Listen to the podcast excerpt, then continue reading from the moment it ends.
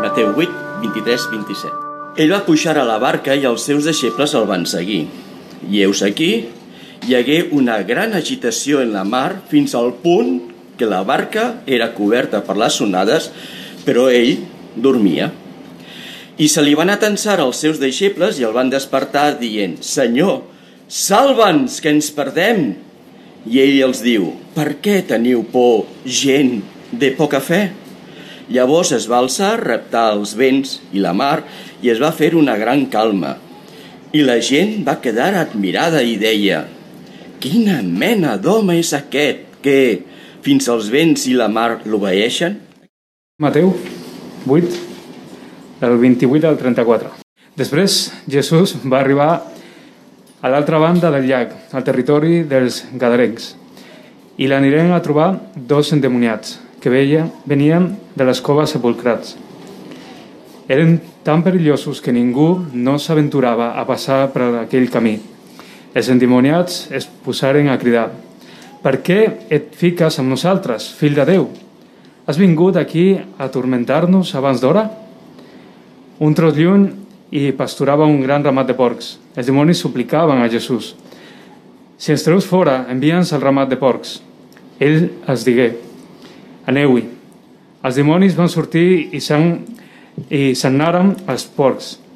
Llavors tot el ramat es va tirar al llac, pel precipici, i van morir ofegats dintre l'aigua. Els porquets van fugir i, arribat a la ciutat, escamparen la notícia de tot el que hi havia passat i el cas dels endimoniats. Aleshores, tota la ciutat va sortir a trobar Jesús i li suplicaren que abandonés el seu territori. Mateu 9, de l'1 al 8.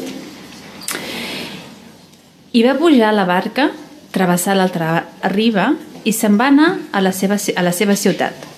I heus aquí li van portar un paralític estirat en una llitera. I Jesús, en veure la fe d'ells, va dir al paralític «Tingues confiança, fill, et són perdonats els teus pecats». Heus aquí alguns dels escribes es van dir dintre seu «Aquests blasfema». I Jesús, veient els seus pensaments, digué «Per què penseu malament dins dels vostres cors? Què és més fàcil, doncs, dir «Et són perdonats els pecats» o dir «Alça't i camina»?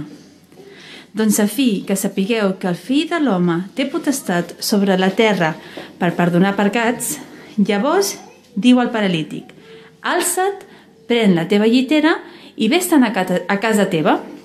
I es va alçar i se'n va anar a casa seva.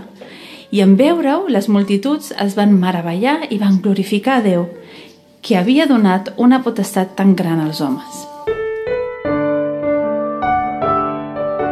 Hola i benvingut al podcast de Ciutat Nova, una església protestant al barri 22 arroba de Barcelona.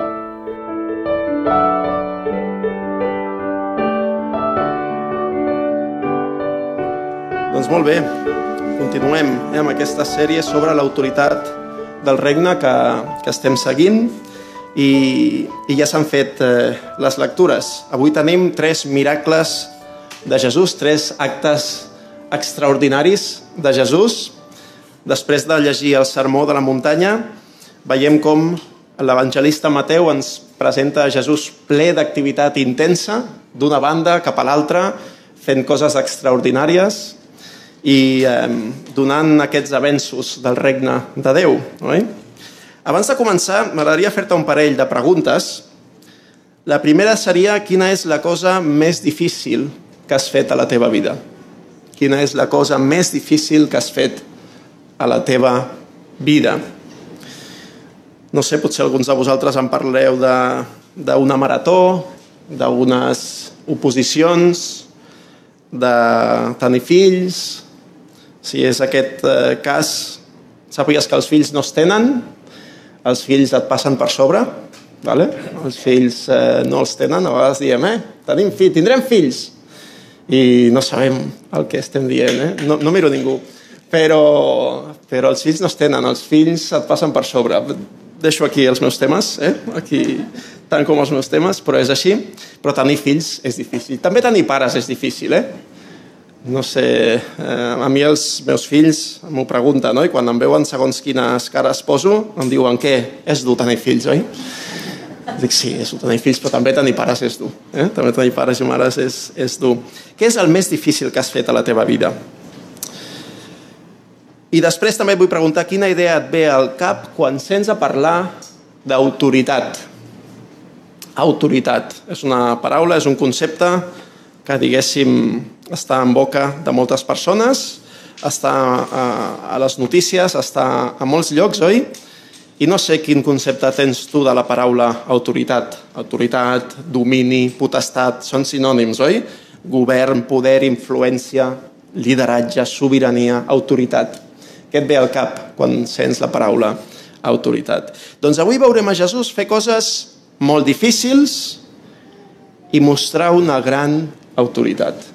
Veurem a Jesús fer coses molt difícils i mostrar una gran autoritat. Mostrarà autoritat sobre les forces de la natura, aquest és el primer punt del sermó d'avui, autoritat sobre les forces de la natura, Després, quan el text eh, continua, veurem que Jesús té autoritat sobre les forces del mal, podríem dir, sobre forces espirituals. I després veurem com Jesús té autoritat sobre la malaltia i també sobre el pecat. Aquests són els tres punts, seguint el text d'avui. Per tant, Jesús, amb la seva autoritat sobre les forces de la natura.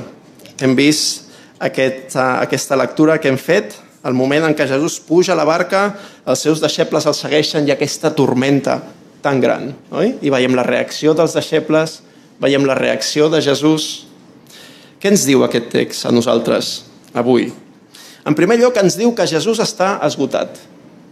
Jesús està fent moltes coses. Oi? Aquests capítols veiem com Jesús va d'una banda cap a l'altra fent coses. Jesús s'esgota i cau dormit. Ha de dormir eh, els comentaristes ens mostren, oi? Que Jesús es queda adormit d'aquella manera a la barca amb un somni ben profund perquè el seu ministeri és un ministeri molt cansat. La seva feina, el seu servei requereix molta energia.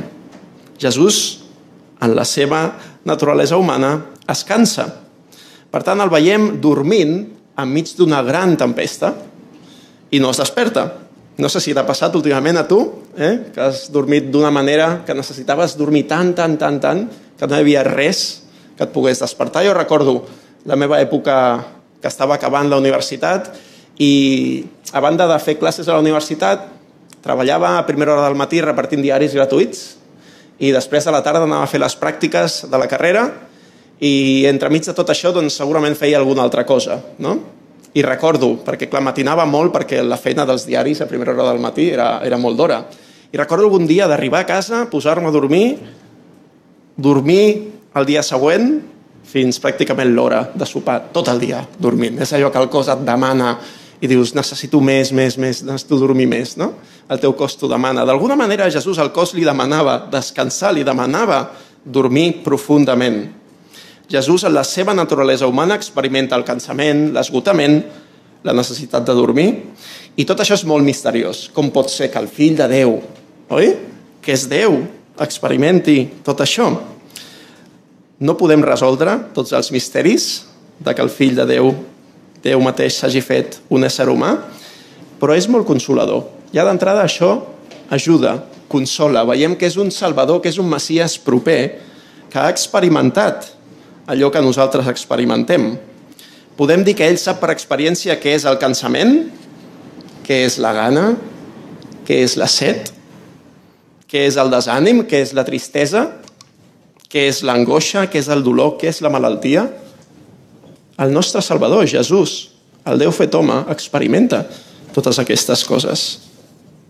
Una altra pregunta que a casa hem sentit alguna vegada i que als nens els agrada fer, és la idea de si Déu es cansa, de si Déu dorm. Oi?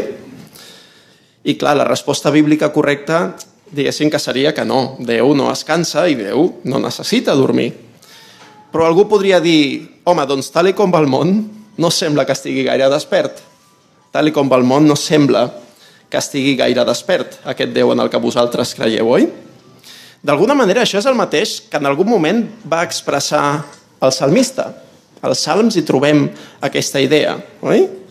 Fixa't el que diuen alguns salms, eh? Faig un seguit de salms, eh? Eh? Una barreja de textos que hi ha als salms. Com és, Senyor, que et quedes lluny, que t'amagues en els moments de la desgràcia? Fins quan, fins quan, Senyor, em tindràs en l'oblit? Fins quan m'amagaràs la mirada? Fins quan portaré dintre meu tants neguits, tantes penes tot el dia dins el cor? Aquest és el salmista. Aquestes pregàries estan a la Bíblia. No sé si tu t'atreveixes a fer aquestes pregàries i si com a església ens atrevim a fer aquestes pregàries. Des de l'abisme et crido, Senyor. Un altre text. Compadeix-te de mi, Senyor. Vaig perdent força. Guareix-me, Senyor, que el meu cos es desfà. Tinc l'ànima desfeta. I tu, Senyor, fins quan esperaràs? Un altre text diu, visc esgotat i desfet, crido i gemego amb tota l'ànima. Senyor meu, els meus anels són davant teu, no et passen per alt els meus gemecs. El cor em palpita, les forces m'abandonen, s'apaga la llum dels meus ulls. Déu meu, Déu meu, per què m'has abandonat? Això està als Salms també. Estàs lluny de salvar-me, no t'arriba el meu clam. Déu meu, crido de dia i no respons, crido de nit i no trobo repòs. Aquestes són pregàries bíbliques. A la Bíblia hi ha salms de lament, salms que lamenten davant de Déu la situació. El lament forma part de la Bíblia. Saps quants salms hi ha de lament a la Bíblia? 58. 58 salms expressen lament davant de Déu. Per què dorms, Senyor? Com permets que això succeeixi? Fins quan? Si a la Bíblia hi ha lloc per al lament, a la teva vida hi ha d'haver lloc per un lament que s'acosta a Déu, dient, no entenc res, Senyor. Per què? Fins quan? D'alguna manera, això és el que estan experimentant els deixebles al text d'avui. Potser, potser també és el que tu avui estàs experimentant. És el teu Déu? És el Déu de la Bíblia un Déu que dorm? Un Déu adormit? Senyor, que no et preocupes per nosaltres, li diuen amb altres paraules als deixebles. Com podria respondre Jesús a això, oi? Podria haver-los dit que si em preocupo per vosaltres, vosaltres veieu on sóc? Jo podria estar tan tranquil, podria dir Jesús, al meu tron, al cel, i em trobo enmig de 12 persones que no m'entenen i que ni tan sols em deixen descansar. Hi ha un gran contrast entre el Jesús que està dormint profundament i el gran neguit que experimenten els deixebles, plens de por. Com va dir un comentarista, Jesús no reprèn els deixebles per molestar-lo amb les seves peticions, sinó que els reprèn per molestar-se a ells mateixos amb les seves pors. Jesús pressuposa que la fe autèntica fa fora la por i reprèn els seus deixebles perquè en aquell cas la por havia fet fora la fe. La fe dels deixebles era suficient com per anar a Jesús enmig de la seva desesperació i això està molt bé, però encara no era prou madura com per fer fora la por no eren prou conscients de qui era Jesús realment. Jesús és superior als nostres temors. A més a més, la nostra fe serà molt més estable, diu un comentarista, si la centrem en qui és Jesús. La fe necessita saber amb urgència no tant el que Jesús farà, no tant el que Jesús va prometre, i és aplicable a mi, sinó qui és Jesús. El cristià ha d'aprendre que conèixer millor el Jesús autèntic és allò que més enforteix la nostra fe. Redescobrir una vegada rere l'altra que Jesús és més meravellós del que imaginaves. Això és el que necessitem per créixer, perquè la nostra fe creixi.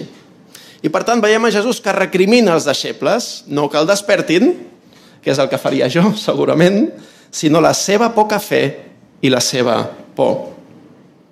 D'alguna manera, Jesús dona a entendre que després del que han viscut junts, els deixebles havien de saber alguna cosa més sobre ell i havien de confiar més en ell.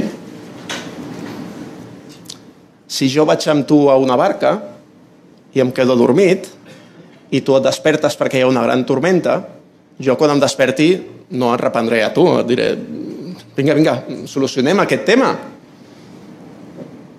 Però és que jo no puc demanar una confiança i una fe com la que pot demanar Jesús, perquè Jesús és algú molt especial. Només algú tan especial com Jesús pot demanar i, i exigir aquesta confiança, aquesta fe en els seus deixebles. Si jo ho fes, no tindria sentit. De fet, si jo ho faig amb els meus fills, no té sentit. Els meus fills té tot el sentit del món que s'espantin quan veuen una tormenta i demanin ajuda al seu pare. Però davant de Jesús, el sentit comú queda apartat. Ell és algú tan extraordinari, tan especial, que no podem aplicar el sentit comú que aplicaríem a qualsevol altra persona, oi? Per tant, els deixebles es troben immersos en aquesta gran tormenta no per haver desobeït a Déu, sinó per haver obeït a Déu i haver seguit a Jesús. El nostre Pare al cel no sempre ens evita els mals i les tempestes a la nostra vida però podem confiar en què farà amb les nostres vides allò que és millor per nosaltres. Fixeu-vos que l'experiència dels deixebles és contrària a l'experiència de Jonàs. El profeta Jonàs va ser enviat al mar i va passar per circumstàncies extraordinàriament difícils, no per obeir a Déu, sinó per desobeir-lo, precisament. I en canvi tenim els deixebles de Jesús que l'obeeixen i seguint a Jesús es troben amb aquesta gran tormenta. Quan Jesús calma la tempesta, la resposta dels deixebles podria ser el resum de la predicació d'avui. Quina mena d'home és aquest a qui fins als vents i la mar l'obeeixen? Quina mena d'home és aquest a qui fins als vents i la mar l'obeeixen? Només Déu podia fer una cosa així. Els deixebles van poder veure la completa humanitat de Jesús i la seva completa divinitat en un sol moment. I molts cops aquest text s'utilitza per dir que si Jesús va calmar aquella tempesta, també pot avui calmar qualsevol tempesta que hi hagi a la teva vida. I això és veritat, eh? Això és veritat. Però aquesta no és la intenció d'aquest text. L'evangelista vol que veiem que Jesús és algú amb una autoritat i amb un poder extraordinaris, inigualables. Ens vol dur a l'admiració, a la lluança i a la confiança. Algú que té aquesta mena de poder ha de ser Déu, digne de la nostra lluança. Siguin, sigui com sigui que ell esculli utilitzar el seu poder a les nostres vides. De fet, de vegades deixarà que les tormentes de les nostres vides continuïn més i més temps.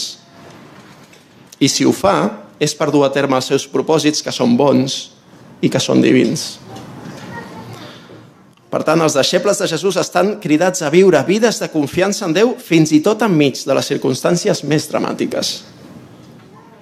Cal que recordem qui és el Jesús autèntic i que recordem que, igual que en el text d'avui, aquest mateix Jesús està avui al nostre costat, enmig de les dificultats, i només Jesús pot requerir de nosaltres una confiança tan gran com aquesta, una fe tan extraordinària. Cap altra persona pot demanar això de nosaltres. Però és que la clau d'aquest text és aquesta. Estem davant d'algú extraordinari.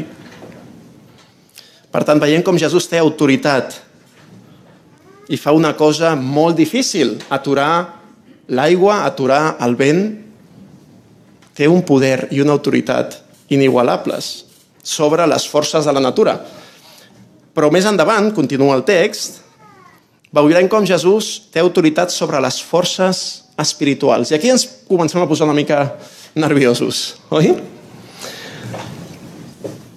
Quan se'ns parla de dimonis, quan se'ns parla de gent endimoniada, com diu el text, hi ha una frase de C.S. Lewis que voldria compartir amb vosaltres, que diu això. Sobre els diables, deia C.S. Lewis, la raça humana pot caure en dos errors iguals i de signe oposat. Un error consisteix a no creure en la seva existència. L'altre, en creure en els diables i sentir un interès excessiu i malsà. Els diables, diu Lewis, se senten igualment afalagats per tots dos errors i acullen amb idèntic entusiasme un materialista que un bruixot. Això deia Lewis, oi? I és que realment la Bíblia ens diu que més enllà de la realitat física que nosaltres veiem amb els nostres ulls, hi ha una realitat espiritual que no podem veure amb els nostres ulls. De fet, això no és tan estrany. La majoria de la humanitat al llarg de la història ha cregut això. Avui, però, ens considerem massa sofisticats per creure en coses com el diable o les possessions demoníaques, oi? Recordo una conversa amb una companya a la feina que em deia alguna cosa així com ara, sí, realment a les religions hi ha coses que són estranyes i difícils de creure, però el tema del dimoni, deia, el tema del dimoni, això sí que és xungo, deia, no? Sí, si penses, veuràs que més enllà de la típica caricatura que es fa dels dimonis amb banyes i amb eh, tridents, que tan present és a la nostra cultura, però que res té a veure amb el que diu la Bíblia, no és estrany. El cristianisme afirma que més enllà de la realitat física que podem veure, hi ha una realitat espiritual. I si la realitat física hi veiem un conflicte entre el bé i el mal, no és tan estrany pensar que la realitat espiritual també hi ha un conflicte entre el bé i el mal, oi? Per altra banda, cal tenir en compte que la Bíblia no està plena de moments com aquests, de possessions demoníaques, oi? I no sé si tu has preguntat alguna vegada per què els evangelis són tan freqüents aquestes coses i a la resta de la Bíblia pràcticament no hi apareixen. Per què els evangelis són tan freqüents aquestes coses i a la resta de la Bíblia gairebé ni se les menciona. I jo crec que la millor explicació és la que diu que quan llegim els evangelis ens trobem en el moment decisiu de la vinguda del fill de Déu. El Messias porta amb ell el regne de Déu de manera especial. Déu en la persona de Jesús està a punt d'actuar d'una manera especial per dur a terme els seus propòsits de salvació per a aquest món. Per tant, és normal que si hi ha una lluita entre el regne del bé i el regne del mal, tot i que no al mateix nivell, eh? però si hi ha aquesta lluita, quan el regne de Déu prepara aquest avenç, aquest atac tan gran, és normal que el regne del mal no es quedi de braços plegats. Durant el ministeri terrenal de Jesús, la lluita entre el regne de la llum i el regne de la foscor s'intensifica de manera extraordinària. Per això, en el ministeri de Jesús hi ha més coses bones i extraordinàries de l'habitual, com són els miracles que ell feia. I per això també hi ha més coses dolentes, extraordinàries de l'habitual. Aquestes possessions, oi?, per aquests éssers espirituals.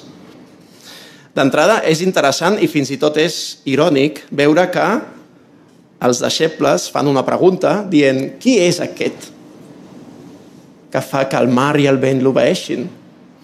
I en canvi aquests diables ràpidament li diuen Jesús, fill de Déu, què has vingut a fer aquí? Per tant, d'alguna manera, oi? Els diables donen la resposta correcta. Però posa't a la pell dels deixebles, eh? Segurament era de nit, i Jesús i els seus deixebles s'acosten a un lloc en el que hi passen coses molt estranyes. Imagina't, eh? que jo et demano que facis això.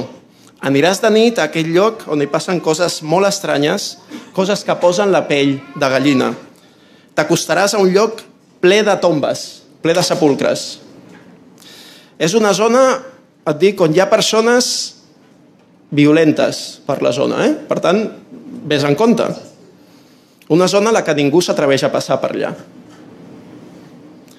I, de fet, quan Jesús i els deixebles s'hi acosten, la intensitat d'aquesta pell de gallina va creixent. Per què? Perquè de cop i volta surten dos homes de les coves on hi ha els sepulcres i s'acosten cap a ells. I quan arriben a ells, aquells homes fora de control comencen a cridar que ella entre nosaltres i tu, Jesús, fill de Déu, has vingut aquí a atormentar-nos abans de temps? És una situació fosca, sinistra, esfereïdora, podríem dir, oi? Posa la pell de gallina. El text diu que aquells dos homes estaven endimoniats. Uns éssers espirituals malignes havien entrat en ells i havien pres control d'ells. I Jesús comença a parlar amb ells. Els dimonis li pregunten com és que ja és aquí quan encara no és l'hora del judici final. I diuen, escolta, Jesús, vens, però vens abans d'hora. Què passa aquí? No és el moment, oi? Hi ha una distància, ja el text continua i ja és el text ideal per predicar, oi que sí? A una distància hi havia un gran ramat de porcs. Segur que si haguessis de predicar una vegada a la teva vida triaries aquest text, oi que sí? Un gran ramal de porcs. I els dimonis li demanen a Jesús que si els expulsa d'aquells dos homes es permeti entrar en aquells porcs. Jesús dona el seu permís i l'escena acaba de manera espectacularment desastrosa i inquietant. Els diables fan que els porcs saltin pel penya-segat i morin. En altres paraules, Jesús la fa molt grossa, oi? Allò que diríem avui, no? Allò de la leopard de Jesús ahí, no? Pues sí, la va fer molt grossa. La reacció, de fet, quan els porquers expliquen tot això a la gent de la ciutat, la gent de la ciutat mm, reacciona dient què és aquest lío tan gran que s'ha muntat? Qui ha fet això? Per què ha fet això? Oi? El que era normal, quan Jesús feia grans obres de, eh, miraculoses i salvava a persones que tenien dificultats, fossin les que fossin, era que la gent li deia escolta, no marxis, queda't aquí, eh? I començaven a portar persones, oi? Aprofitem que estàs aquí, no marxis, queda't aquí, si plau, eh, no marxis, queda't més dies amb nosaltres, oi? Li demanaven que es quedés amb ells i que no marxés, però la reacció d'aquesta gent és la contrària. Si plau, Jesús, marxa d'aquí. Marxa d'aquí. I què ens dona a entendre això? La gent d'aquell lloc, eren, per la gent d'aquelles persones, eren més important els porcs que les persones. Per què? Segurament aquells porcs els hi servien per viure. Donaven feina a diverses persones. Eren un mitjà econòmic, oi? I Jesús ve i salva aquelles dues persones que estaven tan malament, però clar, fa una cosa que acaba amb els porcs, oi? És per això que li diuen que marxi. Jesús és massa poderós i massa impredecible com per tenir-lo a prop. Volem estabilitat econòmica, volem eh, poder viure tranquil·lament com hem fet fins ara. I tu vens aquí i fas això, per tant, el text ens parla que és el que valoraven realment aquelles persones. L'economia local, el benestar material, les feines que havien perdut, però hi ha aquelles dues persones que portaven tot aquell temps patint d'aquella manera, la que ningú es podia acostar. Jesús havia canviat i transformat aquelles dues persones que tenien aquella situació tan insuportable. I això va ser explicat també però aquella gent no va donar importància a això i sí que va donar importància això dels porcs, oi? Per tant, les prioritats de Jesús són diferents a les prioritats d'aquelles persones. No sé si a nosaltres avui ens importen més les coses que les persones. Segurament diríem que no, oi? Però a la nostra cultura i a la nostra societat hi ha molts senyals que potser sí, les coses són més importants que les persones.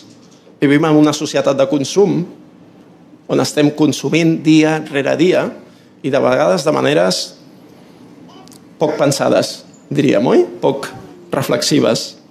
Ens importa més el benestar material que el benestar personal de la gent al nostre voltant? Per Jesús les persones són el més important. És per les persones que ell ha vingut a donar la seva vida. I quan Mateu ens relata aquesta escena, enfatitza la cura que Jesús té d'aquells homes en contrast amb la duresa de cor dels altres homes. La gent d'aquella regió valora més les pèrdues financeres que el miracle que s'ha fet amb aquells dos pobres homes. I li diuen a Jesús, Jesús, marxa d'aquí. I Jesús marxa. De fet, això també ho hem de tenir en compte, oi? Quan li diem a Jesús que marxi, Jesús marxa. El mateix C.S. Lewis ens deia allò, no?, de que només hi ha dues classes de persones. Aquelles que li diuen a Déu, facis la teva voluntat, o aquelles a les que Déu al final dirà, facis la teva voluntat, jo me'n vaig, que és el que volies, oi? Doncs jo me'n vaig. Si el que volem és que Jesús marxi, marxarà. Tingues això en compte a l'hora de respondre a aquesta persona tan extraordinària que és Jesús. Altre cop veiem l'autoritat de Jesús. Els dimonis no poden fer res sense el permís de Déu. Li demanen permís a Jesús. El coneixen, li supliquen. Aquest és el Jesús autèntic. Un Jesús que en aquests moments rep el rebuig d'aquelles persones, d'aquell poble, però que seguirà endavant amb la seva missió de salvar persones i transformar-les, costi el que costi. El Jesús autèntic posa les realitats humanes per sobre de les realitats materials i econòmiques. I això pot sacsejar el nostre món, oi que sí? Pot sacsejar la nostra ciutat. Però és que és algo extraordinari. No és algú normal. Per tant, veiem com Jesús té autoritat sobre la natura, té autoritat sobre elements espirituals, sobre el món espiritual, i veurem també com Jesús té autoritat sobre la malaltia. Hem llegit aquest text, oi?, on unes persones acosten a un paralític, a Jesús. Jesús i els seus deixebles, després d'aquesta experiència tan eh, fosca, canvien d'escenari. I Mateu ens diu que uns homes li van portar un paralític estirat amb una llitera. D'entrada sembla que els seus amics el porten perquè el guareixi de la seva malaltia física, oi? Per què el porten? Perquè el guareixi, el curi de la seva malaltia física. Però aleshores Jesús, abans de curar la seva paràlisi, li perdona els pecats. Podríem pensar, potser la malaltia d'aquell home tenia alguna relació amb alguna cosa que havia fet, amb algun pecat. Aquesta era una idea molt present en aquella època. La Bíblia ens diu que en general no té per què estar relacionada una cosa amb l'altra, però que hi ha casos en els que pot ser. No sabem del cert quin era el cas d'aquest paralític. De fet, se'ns diu poca cosa d'aquest paralític. Potser simplement Jesús va veure que més enllà de la seva necessitat física, aquest home tenia una necessitat espiritual encara més important. Necessitava ser perdonat per Déu. I Jesús afirma que té el poder i l'autoritat per fer que aquella persona deixi d'estar malalta i per fer que aquella persona sigui considerada injusta als ulls de Déu. Per tant, això és el que trobem en Jesús. La reacció dels líders religiosos té sentit quan diuen aquest què fa, aquest està blasfemant. Saben perfectament que perdonar pecats és una cosa divina.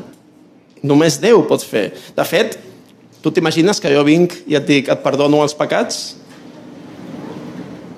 Contra qui pequem les persones? Quan fem mal a algú altre, estem, podríem dir, pecant contra aquella persona i també estem pecant contra Déu, perquè de fet cada vegada que pequem contra alguna persona també estem ofenent el creador d'aquella persona, que és Déu mateix. Però clar, si jo vinc i et dic que et perdono els pecats, tu m'hauries de dir, home, en tot cas, qui m'ho ha de perdonar és la persona a la que ho fes i Déu mateix, no? Qui ets tu per perdonar-me els pecats a mi? Doncs Jesús és qui per perdonar els pecats de qualsevol ésser humà. Ell té aquesta autoritat. Què és més difícil? La resposta et pot semblar òbvia, oi? Què és més difícil de dir? Aixeca't i camina o els teus pecats et són perdonats? Què és més difícil de dir? De fet, les dues coses són fàcils de dir. Des d'un punt de vista lògic, el més fàcil seria dir eh, els teus pecats són perdonats, és el més fàcil que pots dir perquè ningú ho pot veure. No? Jo et dic, els teus pecats et són perdonats. Molt bé. I com ho demostro? Però ningú pot demostrar que no és veritat. En canvi, si dius aixeca't i camina a una persona que no pot caminar, llavors sí que te la jugues, perquè allò es pot veure. Allò els altres ho poden veure. Per tant, quedaries malament, oi? Si diguessis et perdono els pecats i després li dius a aquella persona aixeca't i camina i no camina, tampoc has fet l'altre. Quina autoritat tens? Des del punt de vista lògic és així, però des del punt de vista bíblic, el més difícil és perdonar pecats. Guarir algú és una cosa que en el passat van fer altres. Altres van tenir el poder per guarir malalts, però perdonar pecats només Déu ho pot fer. Perdonar pecats requereix ser Déu. Per altra banda, veiem com en aquest text és molt important que hi hagi persones amb fe que portin a altres a Jesús. Jesús veu la fe dels amics del paralític i salva aquell paralític. En cap moment es parla de la fe d'aquell paralític, oi? La fe de la gent que està al voltant de les persones sense fe és molt important. És molt important per això preguem per la conversió d'aquelles persones, amb l'esperança de que Déu salvi, de que Déu transformi, de que Déu actui en les vides d'aquelles persones que no coneixen a Déu. No sé si estàs envoltant amb fe a aquells que no tenen fe. Estàs envoltant amb fe a aquells que no tenen fe?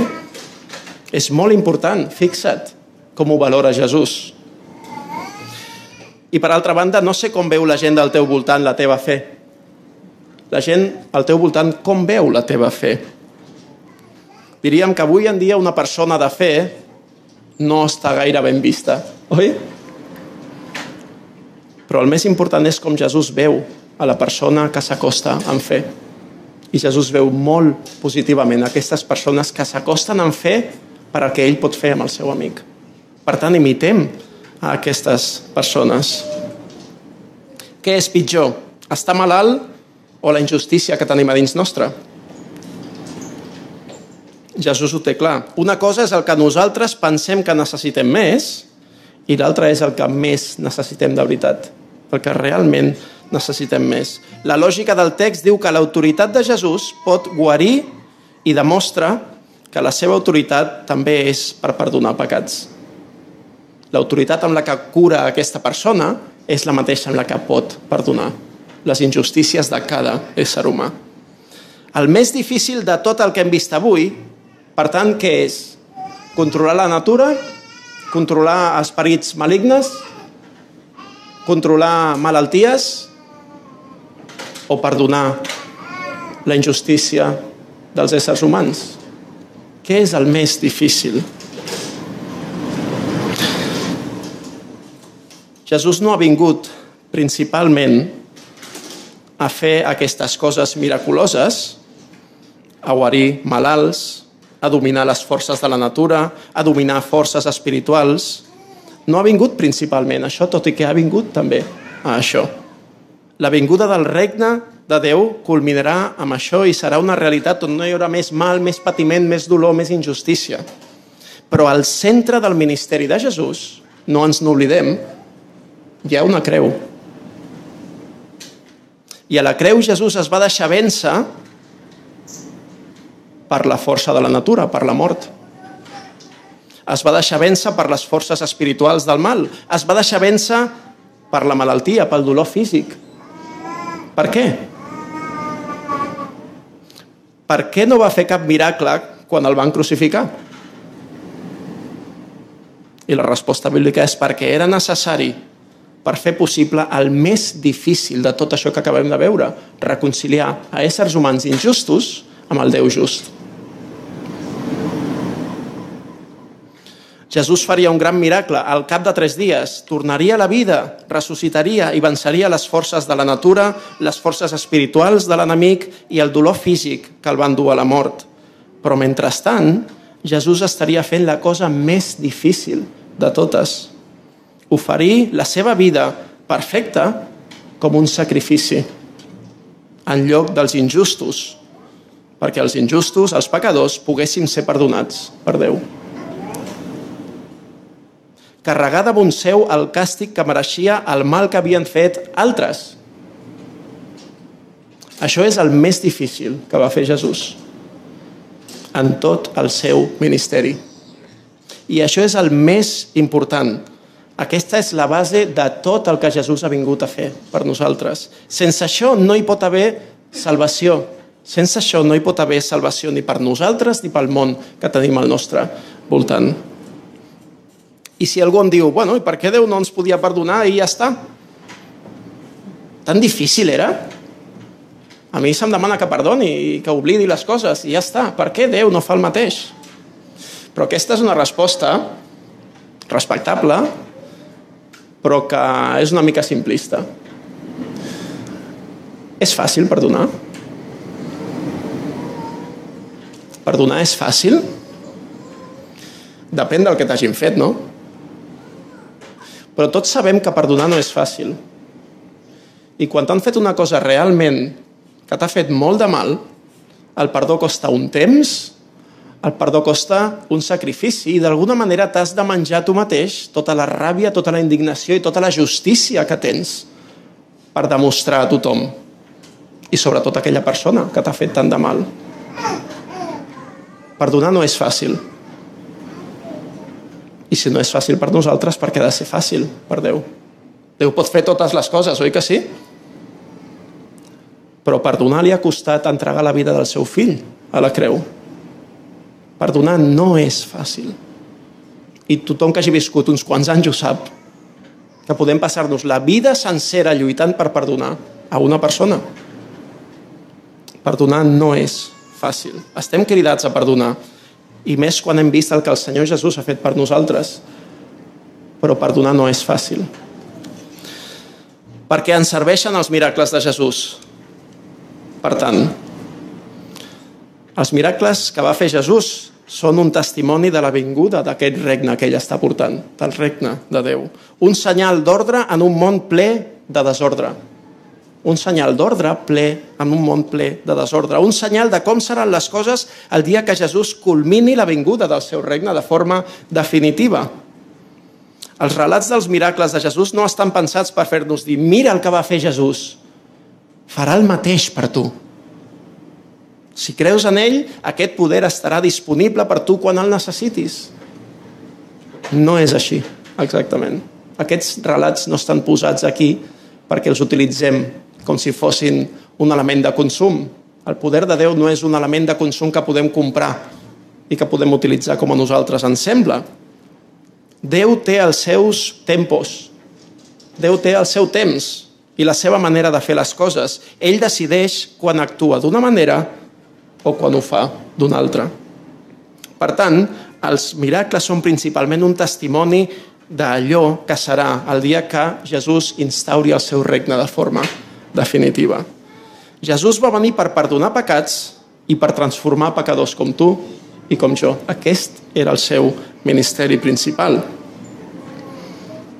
Per acabar, hi ha una sèrie de conclusions que voldria treure. El text d'avui no busca principalment que facis el mateix que Jesús va fer. Tot i que està bé voler ajudar els altres, està bé poder guarir els altres, això és important. Però principalment el que busquen aquests miracles tan extraordinaris de Jesús és que el contemplem, que el contemplis i que et quedis meravellat de qui és aquesta persona, de com és, de quina autoritat, de quin poder té aquesta persona i de veure quines implicacions té aquest Jesús tan extraordinari per la teva vida. Jesús i el seu regne són la realitat última. Per tant, tota la resta de coses i de persones han de quedar posades sota Jesús i el seu regne. Aquesta és la crida que fa Jesús. I vull preguntar-te si és així a la teva vida. És així per tu avui? I si no és així, aquest és el repte que el text d'avui et llança. Sota quina autoritat estàs vivint la teva vida? Quina és l'autoritat màxima de la teva vida? Qui mana a la teva vida? O què mana a la teva vida? Si l'autoritat que ens mostra el text d'avui és veritat, llavors ja no hi ha res que t'hagi de fer por. Si l'autoritat que ens mostra el text d'avui que té Jesús és veritat, no hi ha res al que hagis de tema. Si tu tens una persona com aquesta al teu costat, no tens per què tenir por. Per què està marcada la teva vida? Per la por o per la confiança en Déu? I per acabar, doncs m'agradaria preguntar com estàs avui.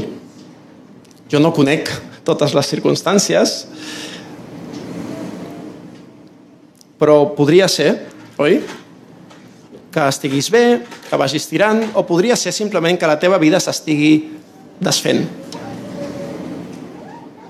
Els somnis, les idees que tenies, estan morint tots, de cop i volta aquelles esperances legítimes que tenies per la teva vida, per la vida dels teus éssers estimats, de cop i volta s'han desmoronat i ara vius com si no hi hagués una base a la teva vida. Vius enmig del caos, enmig del desordre? Has rebut un cop tan gran que penses que mai et podràs recuperar? Potser has rebut una notícia molt dolenta relacionada amb la teva salut física O potser els teus problemes són emocionals. I com està afectant això a la teva vida espiritual? Aquestes coses estan relacionades, oi? Si és així, deixa que et digui que si el que diu el text de Mateu avui és veritat, aquest gran problema al que tu estàs fent front no és la realitat última de la teva vida i no és la realitat més important de la teva vida. Hi ha una realitat que està per sobre d'aquest gran problema, per sobre de qualsevol dels problemes que puguis tenir per grans i insuportables que siguin. De realitat, de l'autoritat i el poder de Jesús, per sobre de qualsevol altra realitat. La solució última als nostres problemes realment és una persona, és la persona de Jesús. Per tant, jo avui t'animo a que contemplis aquesta autoritat i que et meravellis del que Jesús va ser capaç de fer. Que la realitat de l'autoritat de Jesús, que veure a Jesús mostrant aquesta autoritat sobre qualsevol realitat, qualsevol tipus de realitat, desplaci de la teva vida qualsevol altra cosa que estigui al centre i que t'impedeixi veure d'una forma bíblica les coses. Si creus en ell, si creus en Jesús, en aquest Jesús que va fer tot això, pots confiar en que aquesta autoritat està obrant i seguirà obrant a favor teu de manera misteriosa, de manera incomprensible moltes vegades, treballant de manera contrària a la que tu treballaries. És el que té no sé Déu, oi? Encara que tu no ho vegis, encara que et costi de creure, encara que sembli que tot gira en la direcció contrària, encara que Jesús no obri un gran miracle ara per resoldre el teu problema avui, que és el que voldríem, oi? Encara que et costi de creure, encara que tot sembli al contrari, pots confiar en que aquesta autoritat que té Jesús, Jesús mateix, està per damunt de tot i està obrant a favor teu. Aquest recull de miracles estan aquí com a senyals que ens diuen Déu hi és i la seva autoritat està per damunt de qualsevol altra autoritat, sigui la natura, siguin éssers espirituals, sigui la malaltia, i no només això, sinó que sigui també el problema més gran de l'ésser humà, que és aquest pecat, aquesta injustícia que tenim a dins nostre allò que ha trencat la nostra relació amb Déu. No el mal que hi ha fora nostre, que el detectem molt bé, oi que sí? Sinó el mal que hi ha dins nostre, també.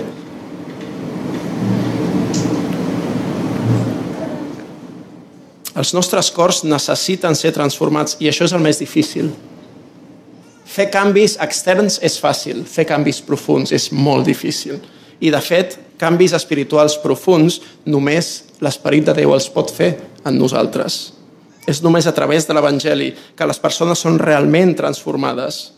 La rebel·lió contra el nostre Creador, la voluntat de viure d'esquenes a Déu, la voluntat de menysprear l'autoritat de Déu i sotmetre'ns a qualsevol altra autoritat que no sigui la de Déu, aquest és el nostre gran problema com a éssers humans. Per tant, jo et pregunto avui, i avui tens l'oportunitat de replantejar tot això, sota quina autoritat vius? Sota quin domini vols viure? Quina és l'autoritat més gran a la teva vida? Sota quina influència? Sota quin lideratge, poder, sobirania? Utilitza el terme que vulguis. Sota quina potestat està la teva vida? Gràcies per escoltar aquesta predicació. Si tens preguntes respecte al seu contingut o vols tenir una conversa sobre l'Evangeli, no dubtis en contactar-nos el nostre correu electrònic és info arroba cn22.org.